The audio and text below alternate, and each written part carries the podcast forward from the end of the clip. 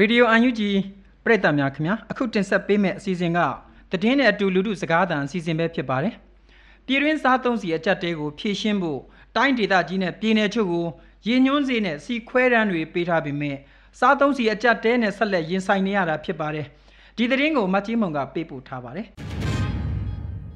ဈေးကွက်ထဲကိုနေ့စဉ်စားအုံးစီတန်ချိန်1400လောက်ကိုတတ်မှတ်ရည်ညွှန်းဈေးနဲ့ရောက်ပို့နေပေမဲ့အလွယ်တကူဝယ်ယူနိုင်တဲ့အနေအထားမှာမရှိသေးပဲဈေးကြီးတဲ့အပြင်ပေါက်ဈေးတွေနဲ့ဝယ်ယူသုံးစွဲနေရဆဲဖြစ်ပါတယ်ပြင်ပပေါက်ဈေးတစ်ပိတ်တာပြန့်မျှကျပ်1000လောက်ရှိတဲ့စားအုံးစီကိုတတ်မှတ်ရည်ညွှန်းဈေးကျပ်9000လောက်နဲ့နယ်တွေရောက်ဖြန့်ဖြူးနေပေမဲ့ဈေးသက်သာတဲ့စားအုံးစီလိုအပ်ချက်ကရှိနေသေးဖြစ်တယ်လို့မြင်းကြံမြို့ကရည်ညွှန်းဈေးနဲ့စားအုံးစီရောင်းချသူတဦးကအခုလိုပြောပါတယ်သမီးမိကွယ်လှလိုက်တာ ဖြေလို့လဲဆိုးလိုက်တာဦးကဘယ်လိုပြောမှန်းတော့မသိဘူးဈေးကွက်လိုအပ်ချက်အရာဆိုရင်တော့လူတွေတော့ကြည့်ကြည့်ကြည့်တို့ဝဲနေတာဆိုတော့ဈေးကွက်ကတော့လူသေးတယ်လို့မှတ်မှာပေါ့ဟုတ်ဘူးလား တအားကြီးကြိတ်ကြိတ်တို့ဝဲနေတာဦးကပြဦးမှထားပါတော့ဦးတို့ရောင်းပေးနိုင်တာခဏ3300ရောင်းပေးနိုင်တယ်အဲ့မဲ့တက်စီနေတာတစ်ဆိုင်တစ်ဆိုင်မဲ့တစ်ဆိုင်တစ်ဆိုင်ရောင်းပေးနိုင်တာချိန်950ပဲရှိတယ်တပတ်လူတယောက်ကိုတစ်ပိတ်သာပေးတယ်4550နဲ့ရောင်းနေတယ်အဲ့ဒီဆိုင်ရှိမဲ့တက်စီနေတဲ့လူကအနိုင်ဆုံးထောင်ထောင်ခါရရှိတယ်အဲ့တော့ရှေ့ကလာတဲ့လူတွေတော့စောစီစီရသွားတော့ပေါ့ဒီမှာနောက်မှရောက်တဲ့လူတော့ရကြမှာရတော့မရတော့ဟိုဘက်ဆိုင်ကြောင်းပေါ့ဒီကတော့လိုအပ်ချက်တော့မပြည့်မီသေးဘူးလို့ထင်တယ်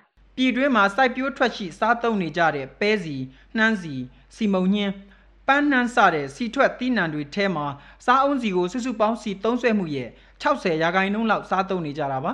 စားအုံးစီသုံးဆွဲမှုရဲ့90ရာခိုင်နှုန်းကပြည်ပကတင်သွင်းနေရပြီးကြက်ငွေတန်ဖိုးကျဆင်းခြင်းတဲ့တူနေ့စဉ်စားသုံးတဲ့စားသုံးစီဈေးတွေကလည်းအဆမတန်မြင့်တက်လာပါတယ်တောင်ကြီးမြို့ခံအိမ်ရှင်မတဦးကတော့ရင်းညွှန်းဈေးနဲ့စားအုံးစီဝယ်ယူရတဲ့အခက်အခဲကိုအခုလိုပြောပါတယ်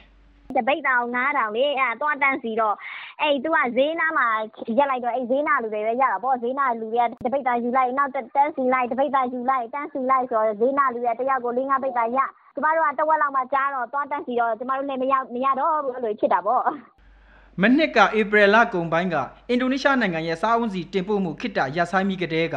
ပြည်တွင်းစားအုံးစီဈေးတွေစတင်မြင့်တက်လာခဲ့ပါတယ်။အဲ့ဒီနောက်ဈေးအနှဲငယ်ပြန်လည်ကျဆင်းခဲ့ပေမဲ့ အခုတစ်ပတ်စားအုံးစီလက်ကားရည်ညွှန်းဈေးကတပိတ်သားကို4524ကျပ်ဖြစ်ပါတယ်။အဲ့ဒီဈေးပေါ်မှာအမျက်ငွေ2ရာခိုင်နှုန်းတင်ပြီးဈေးကွက်အရောက်ပို့ဆောင်ရတဲ့အထွေထွေကုန်ကျစရိတ်က8ရာခိုင်နှုန်းထက်မပိုတဲ့ဈေးနှုန်းနဲ့ရောင်းချဖို့ဖြစ်ပါတယ်။လက်တလုံးမှာရန်ကုန်မြို့အပြင်စီကုံတယ်နဲ့စီလုပ်ငန်းရှင်များရဲ့အသင်းခွဲများတည်ရှိရာမြို့တွေထဲကရန်ကုန်မန္တလေးရှမ်းပြည်တောင်ပိုင်းမုံရွာမွန်ကရင်ကြောက်ဆယ်မြင်းချံညောင်ဦးမိတ်ထီလာ အောင်လန်စတဲ့ဒေသတွေမှာသာရင်းညွှန်းလက်ကားစီနဲ့ရောင်းချပေးနေတာဖြစ်ပေမဲ့